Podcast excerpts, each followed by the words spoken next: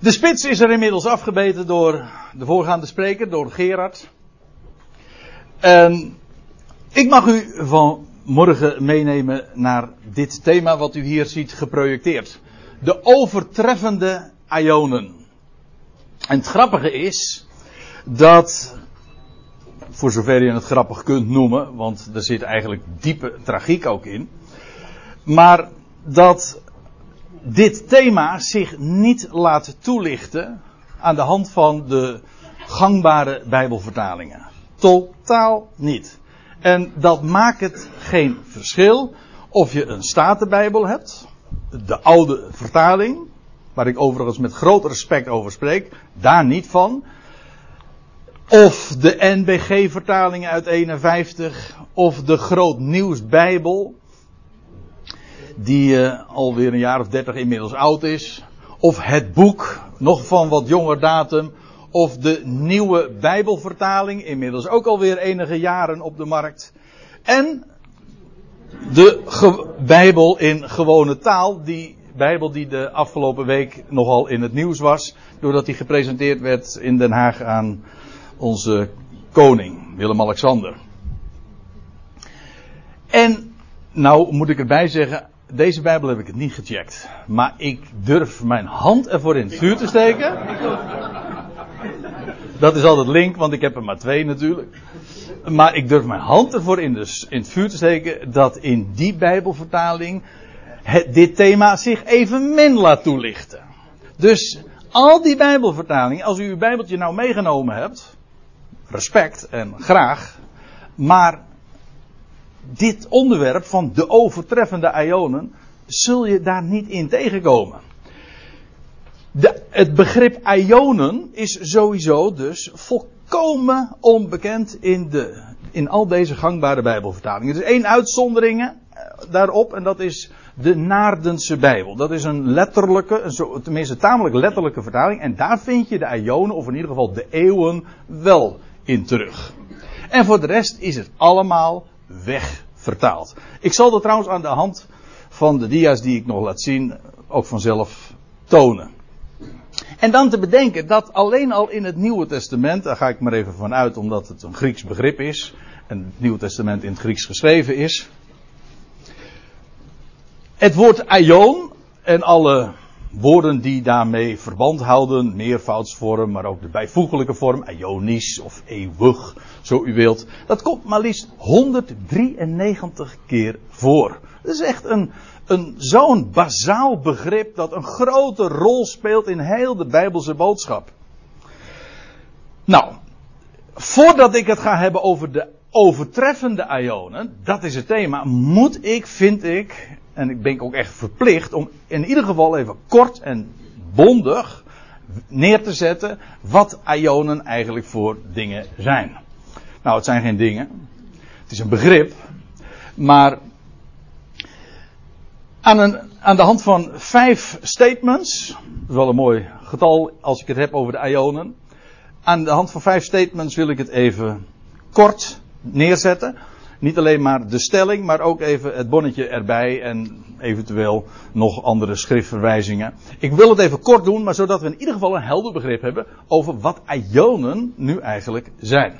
In de eerste plaats dit. Ionen zijn tijden. Nou, dit staat natuurlijk ook al helemaal haaks op wat de vertalingen weergeven. Want die vertalingen die ik u zojuist even liet zien, die geven dat woord aion, dat Griekse woord aion, bijna altijd, of in ieder geval in heel veel gevallen, weer met het woord eeuwigheid. En ik weet niet hoe u het hebt, maar ik ben opgevoed met de gedachte dat je hebt tijd en in contrast daarmee, als tegenstelling, eeuwigheid. Het tijdelijke verwisselen voor het eeuwige.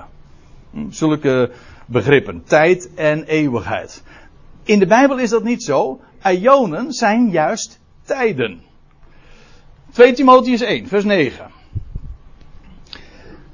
Daar staat, wordt gesproken over Gods eigen voornemen en de genade die ons in Christus Jezus gegeven is. U weet, Gerard heeft het al laten zien. Het is alles genade en het is totaal onafhankelijk van menselijke prestatie. prestaties. Nou, dat is wat deze woorden aangeven. Maar let even op dan vervolgens wat er staat. Die ons in Christus Jezus gegeven is. Wanneer? Voor eeuwige tijden.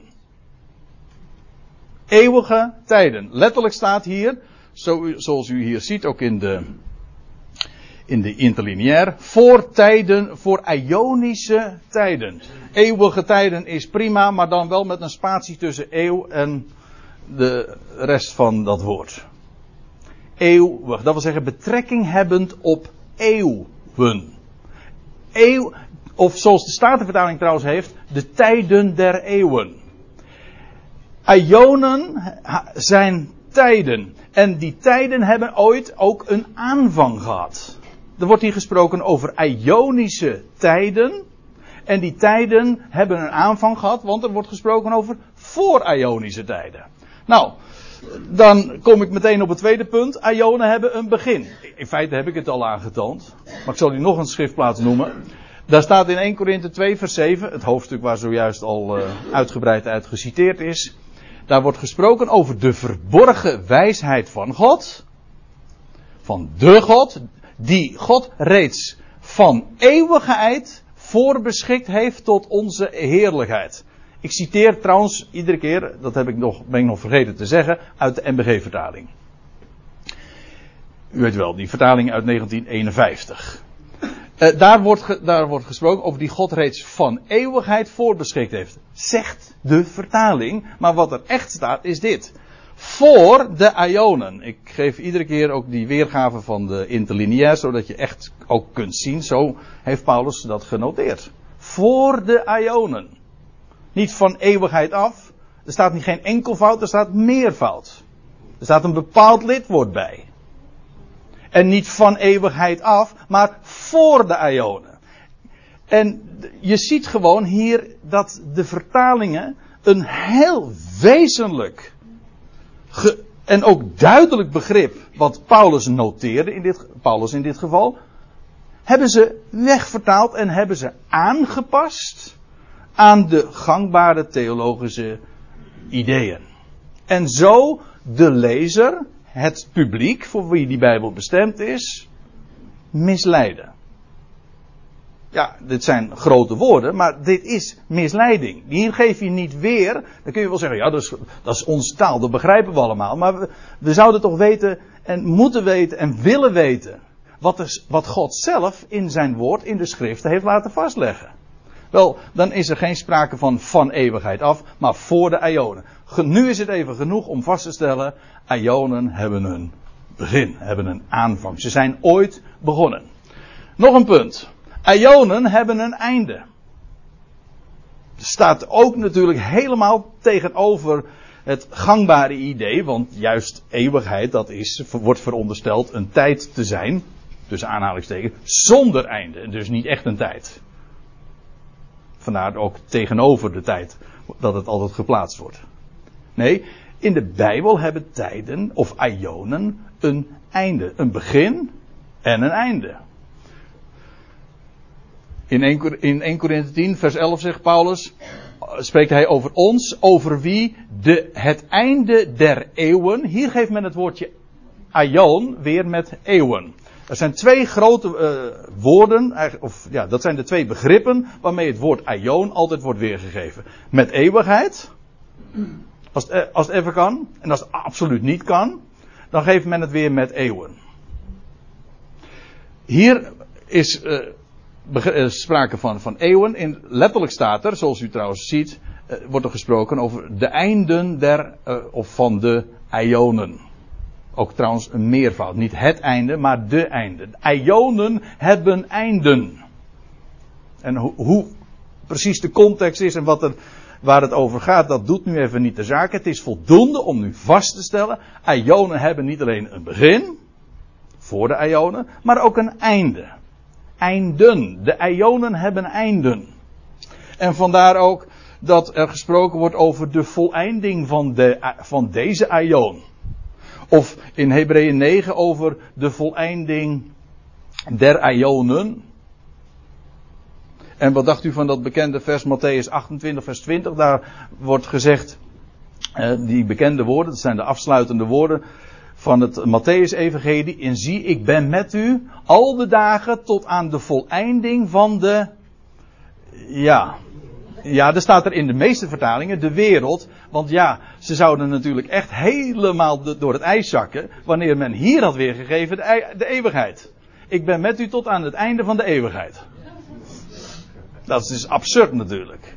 En daarom heeft men het dame weer op een andere manier weergegeven. En daarom, je ziet, met, aan de hand van de Bijbelvertalingen kan je geen kant op. Als je wil weten wat de schrift zegt, ja, dan is het helder. Wel, dan is er sprake van, ik ben met u tot aan de voleinding van de aion. Dat wil zeggen van deze aion. En dan zal er een toekomende aion beginnen. Nog iets. Ionen lopen synchroon, dat wil zeggen, die, die vallen samen met werelden. Ik bedoel daar dit mee te zeggen. Eh, het is ontleend aan wat Paulus schrijft in Efeze 2. In de Efezebrief spelen Ionen trouwens de voorbije Ionen, de tegenwoordige Ionen, de toekomende Ionen, maar ook de Ionen der Ionen. Ze spelen allemaal een grote rol. Maar daar zegt hij dit uh, waarin jullie vroeger gewandeld hebben, hebben uh, overeenkomstig de loop deze wereld. Ja, hier heeft men het vertaald met de loop, maar er staat letterlijk de aion van deze wereld. Kan niet missen. De aion, deze wereld, bij deze wereld hoort een aion. Dat is in ieder geval even genoeg om dat bij deze ook vast te stellen. En en in die Aion, daar heeft de overste van de macht der lucht, en dat is geen aardige jongen om het zo te zeggen, want hij wordt ook genoemd de vorst van de duisternis. Degene die deze, de God van deze Aion, die misleidt en die regeert en die ook ervoor zorgt dat de waarheid verdraaid wordt in leugen.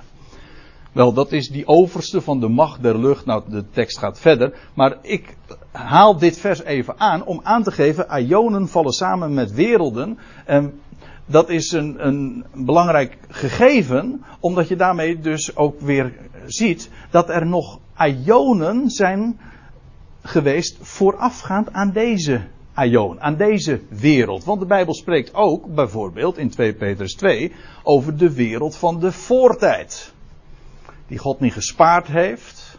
En dan gaat het over de dagen van Noach. Vandaar dat plaatje van die ark. Dat is de wereld van de, IO, eh, van, ja, van de voortijd.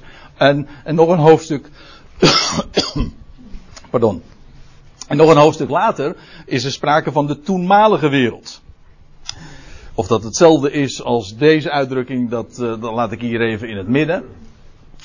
Maar in elk geval, er zijn dus nog werelden voorafgegaan aan de huidige wereld. En deze wereld heeft een aion, de aion van deze wereld. Wel, er zijn ook werelden en daarmee ook aionen die voorafgingen aan de huidige. En dat brengt mij tevens op het laatste punt dat ik even ter introductie van dit onderwerp wil zeggen. De Bijbel kent in ieder geval vijf aionen. Daar is sprake van de huidige aion. De, de tegenwoordige die Paulus zegt in Galaten 1 vers 4. Uh, dat hij ons, ons, die geloven, getrokken heeft uit de tegenwoordige boze wereld, zegt de, staat, zegt de MBG-vertaling dan. Maar ook hier staat weer, u ziet het, het woord aion. Ze hebben het op alle mogelijke manieren vertaald, maar nooit goed. Ja, juist omdat ze het op alle mogelijke manieren gedaan hebben. Als men nou gewoon concordant, dat wil zeggen eensluidend had, had weergegeven, dan had het niet uitgemaakt of ze nou X of blub of weet ik van wat hadden gezegd. Maar dan had je in ieder geval geweten, daar gaat het over. En ja, ik, kies er gewoon maar voor in dit geval om het woord, uh, het, het, het woord wat Paulus gebruikte of wat de Bijbel gebruikte, om dat over te nemen. Per slotverrekening, het, ons, dit woord aion is ook u kunt het gewoon terugvinden in, uh, in het woordenboek. Dus waarom zouden we een ander woord gebruiken? Oké, het is niet zo uh, heel bekend, Ionen. Maar het is niettemin een gewoon echt Nederlands woord. En het grappige is dat buiten de Bijbelse sfeer heel bekend is dat Aion geen eeuwigheid is. U kunt het al terugvinden in de, in, in de winkelen prins van, van tientallen jaren terug. Aion is niet een eindeloze eeuwigheid, nee, dat zijn wereldtijdperken. Het is bekend, alleen er wordt niet, het wordt, ja, er wordt niet mee gewerkt, er wordt niet vanuit gedacht. En het Bijbelse begrip heeft men verdraaid en voor het publiek verdonkermaand. In elk geval, ja, dat kan allemaal in deze Aion, die daarom ook boos heet. Want standaard in deze wereld is dat de leugen regeert. De waarheid wordt verdraaid. En daarom heet deze Aion ook een boze Aion. Ik heb daar trouwens een symbooltje ingezet. Twee, twee symbooltjes. Het kruis, het embleem van de dood van Christus, waar Gerard het zojuist ook over had. Met daarbij ook de weggewentelde steen, dood en opstanding. Dat staat centraal in deze aion. En, verklap ik alvast er maar bij, het staat ook centraal in dat hele plan der aionen. Dat is trouwens nog een Bijbelse uitdrukking. Het, voor, het plan der aionen, Efeze 3. Maar goed, er is dus er is sprake van de tegenwoordige aion. Er is ook sprake, in Efeze 3 vers 9 lees je dat, over de van Ionen her. Dus er zijn Ionen, in ieder geval twee, voorafgegaan aan de huidige Ion. Er zijn werelden geweest voor de huidige wereld. De toenmalige wereld. De, de wereld die toen was. Dus in ieder geval twee. Dat brengt ons aantal al op drie ionen. Dus de huidige, in ieder geval twee ionen. En hoe die onderverdeling dan precies is, dat maakt voor het verhaal van nu uh, even geen verschil. In elk geval, er is sprake van ionen, van ionen die voorafgegaan zijn aan de huidige ion. Prediker 1 vers 10 zegt trouwens exact hetzelfde. En, om ons aantal op vijf te brengen, is er ook nog eens sprake van de komende Ionen. De Efeze 2, vers 7.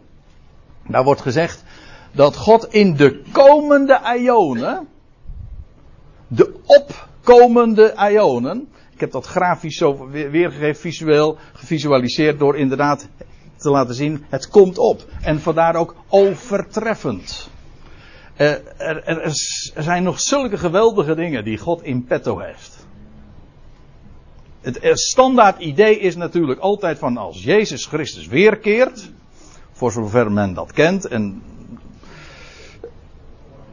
dan breekt de eindeloze eeuwigheid aan. Dan is het eeuwig wel, eeuwig wee. Nee, dat is een volkomen onbijbels begrip. Niet een eindeloze eeuwigheid breekt aan bij de wederkomst. Wat er aanbreekt, dat zijn, is niet een eindeloze eeuwigheid, maar zijn wereldtijdperken. Of Ionen. Hier wordt gesproken in de komende Ionen. En wat, God, wat, wat gaat God dan doen? Dan gaat hij de overweldigende, eigenlijk de overtreffende, hyperballo, dat, dat is eigenlijk inderdaad, hyper, dat heeft te maken met over en ballo, u, je herkent het meteen, dat heeft te maken met een bal en met werpen. Dat is inderdaad dus overtreffend. Die komende Ionen zijn opkomend, maar ze zijn ook overtreffend. En overtreffend omdat hij daarin zijn genade, de genade, eh, de rijkdom van zijn genade gaat etaleren. Zou betonen, tentoon gaat stellen. Dat is wat God van zins is. En daarmee zijn we tevens gekomen aan het volgende punt, want nu heb ik in elk geval even kort uiteengezet wat ionen zijn. Maar daarmee zijn we dus ook gekomen aan dit begrip. De overtreffende ionen, dat was het thema wat, uh, waar ik mee getrakteerd ben, of wat ik zelf ook eigenlijk voorgesteld heb. Ja, het is allemaal in goed overleg allemaal vandaag gebeurd hoor. De overtreffende ionen. En Ionen kom je niet tegen in de gangbare Bijbelvertalingen. Helaas, helaas. Maar goed. Uh, als de Bijbelvertalingen ons daarin niet ter willen zijn. We komen samen om de schriften te onderzoeken. Vandaar ook dat Peter natuurlijk heel uitdrukkelijk gezegd heeft. Het gaat maar niet zomaar om Bijbelvertalingen. Nee, het gaat om wat staat er in de schrift. En een van de grootste voorrechten vind ik zelf, als ik het even zo tussendoor mag zeggen, om in deze tijd te leven, is dat we vandaag zo gemakkelijk als leek, want zo noem ik mezelf ook, ondanks het feit dat ik uh, met, deze dingen heel intensief en ook al uh, jarenlang heb bezighouden. Ik ben gewoon een leek, ik ben een amateur en uh, gewoon precies, ik val helemaal in de categorie waar, waar Gerard het zojuist ook over had, niet vele wijzen, et cetera. Maar vandaag hebben we als voorrecht dat die kennis heel ook de toegang tot de grondtekst geldt voor kennis in het algemeen. Alle expertise die is tegenwoordig zo gemakkelijk beschikbaar voor degene die geïnteresseerd is. Dat geldt ook voor de kennis van de schriften. Als je toegang wil hebben tot de grondtekst, wat staat er nou eigenlijk? Niet wat heeft men ervan gemaakt of wat wil men ons doen geloven? Nee, wat staat er nou? En je wil dat weten, dan zul je vinden. Wie zoekt, vindt. Dat is altijd al zo geweest, dat weet ik. Maar vandaag vind je makkelijker dan ooit. Ik bedoel, heb je gemakkelijker dan ooit toegang tot de bron. Wel, Ionen vind je niet terug in de gangbare Bijbelvertaling en deze uitdrukking al helemaal niet. En dan te bedenken dat die uitdrukking alleen al in het Nieuwe Testament, ik beperk me daartoe even, uh, al 21 keer voorkomt. Die overtreffende Ionen, de Ionen der Ionen, kom je 21 keer tegen. En dan nog dan tel ik nog niet eens mee de drie aanverwante uitdrukkingen die nog wat specifieker zijn. Die uitdrukking de ionen der ionen, waarvan ik zojuist zei dus dat, dat, dat die 21 keer voorkomt in de Bijbel. En altijd standaard is wegvertaald. Maar goed, daarom kunnen we daar zomaar een Bijbelstudie nu aan wijden. Het is een geweldig onderwerp. Maar het is een, een ja, het is wat, zoals dat heet, een, een overtreffende trap. Men noemt dat een Hebraïsme. Het is een typisch Hebreeuwse manier van uitdrukken zoals wij hebben. Uitdrukkingen als het heilige der heiligen. Dat is het, de, de over, het overtreffende heiligdom. Of, zo u wilt, het heiligste van al het, al het heilige. Of de koning der koningen. Of de Heer der Heren. Of het lied der liederen. Er is een Bijbelboek dat zo heet. Alleen men heeft dat uh, vertaald met, of weergegeven met het hooglied. Maar eigenlijk is het, als je het goed zou weergeven, het overtreffende lied. Of het hoogste lied. Het lied der liederen. Of uh, bekend ook de ijdelheid der ijdelheden. Een uitdrukking die we natuurlijk heel vaak tegenkomen in het boek Prediker. Maar dezelfde terminologie, dezelfde vorm herken je daar automa automatisch in. Of de hemel der hemelen. Nou, ik had uh, mijn weergave had ik nog uh, aanzienlijk langer kunnen maken van allemaal van die uitdrukkingen die je in de Bijbel tegenkomt. Wel, zo komen we ook de ionen der ionen tegen. En wat zijn die ionen der ionen? Nou, op voorhand weet je al, gewoon door de hele constructie, het, het zijn overtreffende ionen. Je hebt ionen en dat zijn de ionen der ionen. Dat gaat er bovenuit. Dat overtreft het nog weer. Zoals al die uitdrukkingen die soortgelijk zijn, diezelfde vorm weerge weergeven, dat laten zien. De eerste keer dat we die uitdrukking tegenkomen, dat is niet in het Nieuwe Testament, maar in het Oude Testament dat natuurlijk niet het woord aion kent, omdat aion Grieks is. En de Hebreeuwse, uh, uh, het Hebreeuwse woord daarvoor is olam. Maar uh, als je het dan weer vervolgens in de Septuagint, in de Griekse vertaling daarvan terugleest, dan kom je het alsnog weer tegen. Maar om het niet al te ingewikkeld te maken, daar lees je in Daniel 7. u kent het hoofdstuk? Misschien, misschien niet. Maar in elk geval in Daniel 7, dat is de beschrijving van die, die vier beesten. Ik noem ze maar zo. Want uh, dieren zou ik het eigenlijk niet eens willen noemen. Hm? Want kijk maar eens een keertje hoe ze beschreven worden. Het zijn vaak draakachtige dieren. En uh, gruwelijk gaan ze te werk. Wereldrijken, anderen zeggen godsdiensten. Dat wil ik nu ook even uh, terzijde leggen. Maar in elk geval, die vier beesten die gaan plaatsmaken uiteindelijk voor, nou en dat lees je in vers 18, daarna als de heerschappij van de vier beesten zal worden teniet gedaan. Daarna zullen de heiligen van de Allerhoogste, dat is het volk, het heilige volk, dat wil zeggen het volk van Israël, die zullen het koninkrijk ontvangen. Want dat is wat er letterlijk staat, het, de kingdom, het, het koninkrijk. En zij, dat, dat heilige volk, Israël, zij zullen het koninkrijk bezitten tot in eeuwigheid. Maar, nou ja, inmiddels verbaast het u al niet meer natuurlijk dat hier niet het woordje eeuwigheid staat, maar in het Hebreeuws olam of in het Grieks, de Griekse weergave aion. Er staat letterlijk tot in, u ziet het trouwens ook in de interlinia, tot in de aion. Zij, dat volk, kijk, gedurende in deze aion, daar zitten wij nu nog in, al, al duizenden jaren, duurt deze, de aion van deze wereld, maar als de beestachtige heerschappij, deze boze aion, plaats gaat maken voor een nieuwe aion, de komende aion, dan zal het volk, het ene heilige volk dat daarvoor geprepareerd is, bestemd is, het volk van Israël, het koninkrijk ontvangen. Een koninklijk priesterschap zijn zij. En zij zullen het koninkrijk bezitten tot in de aion. Ja, tot in de ja, in de vertaling zegt dan de eeuwigheid der eeuwigheden. Heel vreemd, hè? als een eeuwigheid eindeloos is, wat zijn dan eeuwigheden? Is dat, duurt dat nog langer? Ja. Nou, nu lachen we erom. Hè? Het is ook belachelijk.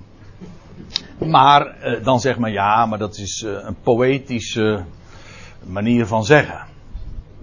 Daar kom je er ook uit, natuurlijk. Daar kom je trouwens altijd uit. maar wat er gewoon staat is tot in de aion van de aionen. Olam, olamim. Nou ja, dat is dan weer Hebreeuws. Maar laten we het gewoon zeggen zoals we het uh, tot dusver hebben geformuleerd. Tot in de aion van de aionen.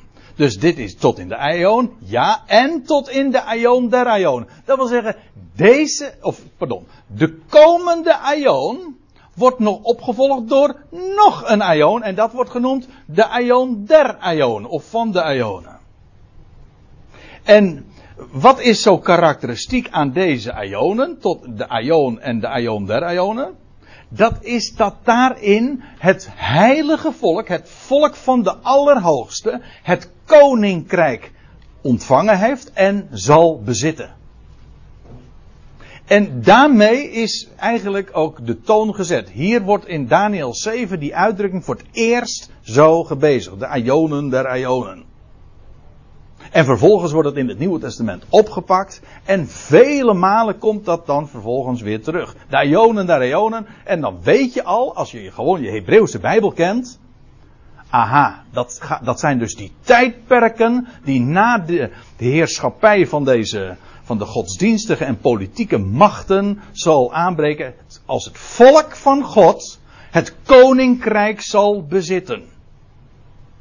Daar in het Midden-Oosten, daar vanuit Jeruzalem, want van daaruit zal de koning heersen. Kan niet missen.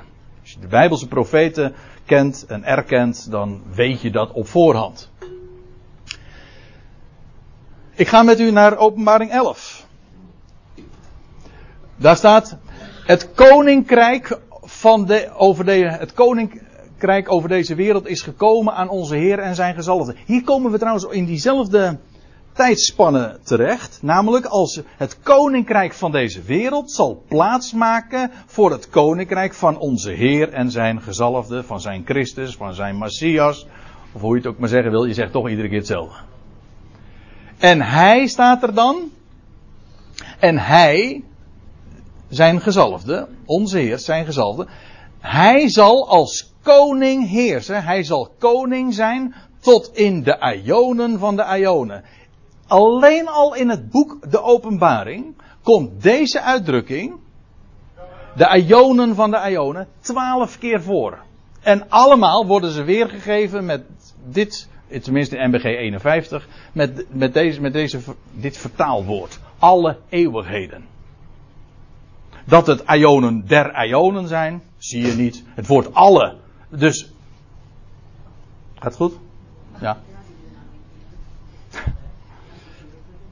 Uh, en het woord alle heeft men toegevoegd. Er staat helemaal niet alle. Wat er gewoon staat is de ionen van de ionen. En hier zie je exact dezelfde gedachte. Namelijk, dat is het. Dat zijn die ionen. Waarin niet het koninkrijk van deze wereld het voor het zeggen zal hebben. De machten, de godsdienstige, de politieke machten van deze wereld. Die zullen dan ten einde gebracht zijn en worden. En plaatsmaken voor de enige rechthebber, namelijk de Heer, zijn gezalfde, de Messias. En hij zal als koning heersen tot in de ionen van de ionen. Dit zijn de overtreffende ionen. Van de ionen die we nu tot dusver kennen. Dit is de derde op rij dus. Zal, zullen dat die ionen zijn die overtreffend zijn. En je begrijpt ook meteen waarom. Omdat het de ionen zijn waarin het koninkrijk van God hier in deze wereld het voor het zeggen zal hebben. Het volk van de Allerhoogste, dat wil zeggen het volk Israël, zal geplaatst zijn in zijn positie die God daarvoor bestemd heeft. En de Messias zal daarin heersen. In die wereldtijdperken. Een ongekende tijd. En vandaar ook dat ik dat kroon, die kroon erbij gezet heb. Nou, het is namelijk, het zijn de tijdperken van het koninkrijk van God en van de koning der koningen, van de gezalfde, van de Messias, van de Heer en Christus. 2 Timotheus 4, dan lees je over, nou ja, dat is in het laatste hoofdstuk dat, eh, van, de, van Paulus' geestelijk testament. En dan zegt hij, de Heer zal mij beveiligen tegen alle boos opzet en behouden. En dan zegt hij, in zijn hemels koninkrijk brengen. En dat hemels koninkrijk, dan wordt, daarvan wordt dan vervolgens gezegd, hem zij de heerlijkheid. Ja, en dan wordt er gezegd, in alle eeuwigheid in de vertaling, maar ook hier weer, tot in de ionen van de ionen. Ja, en u ziet ook hier weer, en ik ga het maar na, ik ga natuurlijk echt niet al die voorkomens langs waarin die uitdrukking voorkomt. Maar het heeft iedere keer te maken met die tijdperken waar God naartoe op weg is. Om zijn koninkrijk te vestigen.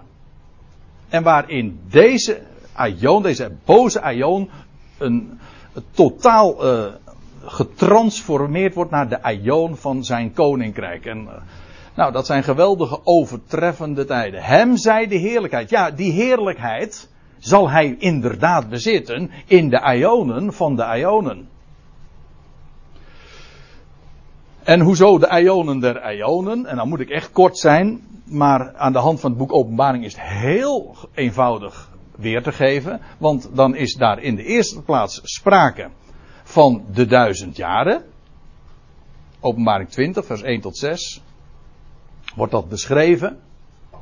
Dus nadat de, deze boze ion is afgesloten, breekt er een nieuwe ion aan. Die, dat wordt genoemd op andere plaatsen de toekomende ion. trouwens, eventjes kort. Het is zo dat die ionen in de Bijbel, als het daarover gaat, dan gaat het meestal over de huidige boze ion en de toekomende ion. Dat is de belangrijkste aion waar de meeste profetie ook over gaat. Waarin Israël hersteld zal zijn, de volkerenwereld onderworpen zal zijn aan dat koninklijk, uh, aan dat koninklijk volk. En vanuit Jeruzalem geregeerd zal worden. En daarna, maar want deze duizend jaren houden uiteraard op. ja, weet u hoe lang het duurt? Ja, nou ongeveer duizend jaar denk ik. Ja, dan zal ik er nooit zo ver naast zitten. De, dat zijn de duizend jaren. De duizend jaren waarin Satan gebonden zal zijn, dan vindt er nog het een en ander plaats. De grote witte troon lees je. Je kunt het allemaal terugvinden in openbaring 20. Blader even door die Bijbel en je ziet het gewoon vanzelf. Daarna breekt er weer een nieuw tijdperk aan. Dat is de meest overtreffende. Een nieuwe hemel en een nieuwe aarde. De laatste Bijbelhoofdstukken van uh, of de laatste hoofdstukken in het boek Openbaring, de laatste hoofdstukken in onze Bijbel, gaan daarover. Die nieuwe hemel, die nieuwe aarde, dat Jeruzalem, die stad van goud die vanuit de hemel zal neerdalen naar de aarde. Als een Jacobsladder verbinding tussen aard en hemel zal brengen. Dat is, de, dat is een aion die nog weer overtreffend zal zijn. Ook nog veel langer zal duren als u het mij vraagt. Dat is nu ook weer niet het onderwerp, maar ik wil u alleen maar mee aangeven. Dat is nog weer een nieuwe tijdperk. Een nieuwe aion. Nog overtreffender. Vandaar ook dat het genoemd wordt de aion der aionen. Deze aionen heten de aionen der aionen. Dit, deze laatste, dit is de meest overtreffende. En vandaar dat die heet de aionen, pardon, de aion der aionen. Of van de aionen. Dit is de meest overtreffende. Kan niet missen. Ja, als u dus terug, eh, als u bladert in deze hoofdstukken, deze hadden we trouwens al onder ogen, en Efeze 3 vers 21, nogmaals, in de gangbare vertaling zult u nu terugvinden, maar daar staat dit. Dat schreef Paulus, daarover eh, wordt gesproken in de schrift. En uh, in Hebreeën 1 vers 8 wordt hij zelfs nog genoemd, een hele merkwaardige uitdrukking, het is de aion van de aion. Dus het overtreft vooral ook deze aion. Ja, en daarna heb je dan nog de vraag. Nou, zal ik u dat eens vertellen? Dan gaan we gewoon naar 1 Korinthe 15. Daar lees je. Daarna het einde. Uh, het einde van wat? Nou, dan moet je even naar de context van 1 Korinthe gaan. En dan gaat het over levendmaking in rangorde. Eerst Christus, de eersteling. Vervolgens die van Christus zijn in zijn parousia. En daarna het einde. Dat wil zeggen de laatste levendmaking. En dan staat er wanneer hij, Christus, het koninkrijk aan God de Vader overdraagt. Dus hier krijgen we in 1 Korinthe 15 nog een, een, nog een verder zicht. Want de Bijbelse profetie spreekt over de ionen der ionen, waarin Christus zal heersen. En de meeste mensen zeggen, ja, Christus, al talloze liederen gaan er, al, uh, gaan er ook over. Christus heerst in eeuwigheid. Vergeet het maar. Hij moet heersen tot dat. Hij zal het koninkrijk, als hij het succesvol, want dat is Gods wijsheid, zal hebben afgesloten, zal hij het overdragen aan God de Vader. Verzin ik dat? Nee, het staat er gewoon zwart op wit. Daarna het einde, wanneer hij, Christus, het koninkrijk aan God de Vader overdraagt, wanneer hij alle heerschappij, alle macht en kracht, namelijk alle vijandelijke macht, ontroond of buiten werking gesteld zal hebben. Want hij moet als koning heersen totdat. Hij zal heersen tot in de ionen der ionen, maar het heeft een totdat. Dat hele verhaal van hij moet heersen tot in eeuwigheid, dat is een ontering van hem. En dat betekent dat God het nooit zijn plan afsluit, succesvol. Dat blijkt dan ook wel vervolgens wat men uh, allemaal eruit concludeert. Er zit zoveel geniepigheid, addergif, en ik bedoel het zo letterlijk als ik het nu zeg. Slangengif. Een hele oude slang, trouwens. Achter die verdraaiing van die waarheden. Terwijl heel de schrift juist gaat over die overtreffende ionen, heeft men het allemaal verdraaid, zodat het nooit succesvol zal worden afgesloten. Hij moet als koning heersen totdat hij al zijn vijanden onder zijn voeten gelegd heeft. En de laatste vijand die ontroond, of eigenlijk buiten werking gesteld wordt, dat is de dood. In deze ionen is daar nog de dood. Kijk het maar na in openbaring 21 en 22. Daar is sprake van de tweede dood. Aan deze ionen hebben velen geen deel. Zijn daarin verloren. De vraag van de vorige spreekbeurt ging daar ook over. Hè? Kan, kan een mens verloren gaan? Ja, wis en waarachtig. En velen zijn voor deze ionen verloren. Maar als de laatste vijand ontroond wordt, de dood. Weet u, hoe weet u hoe God dat doet? Of hoe Hij, Christus, dat doet? Door allen levend te maken.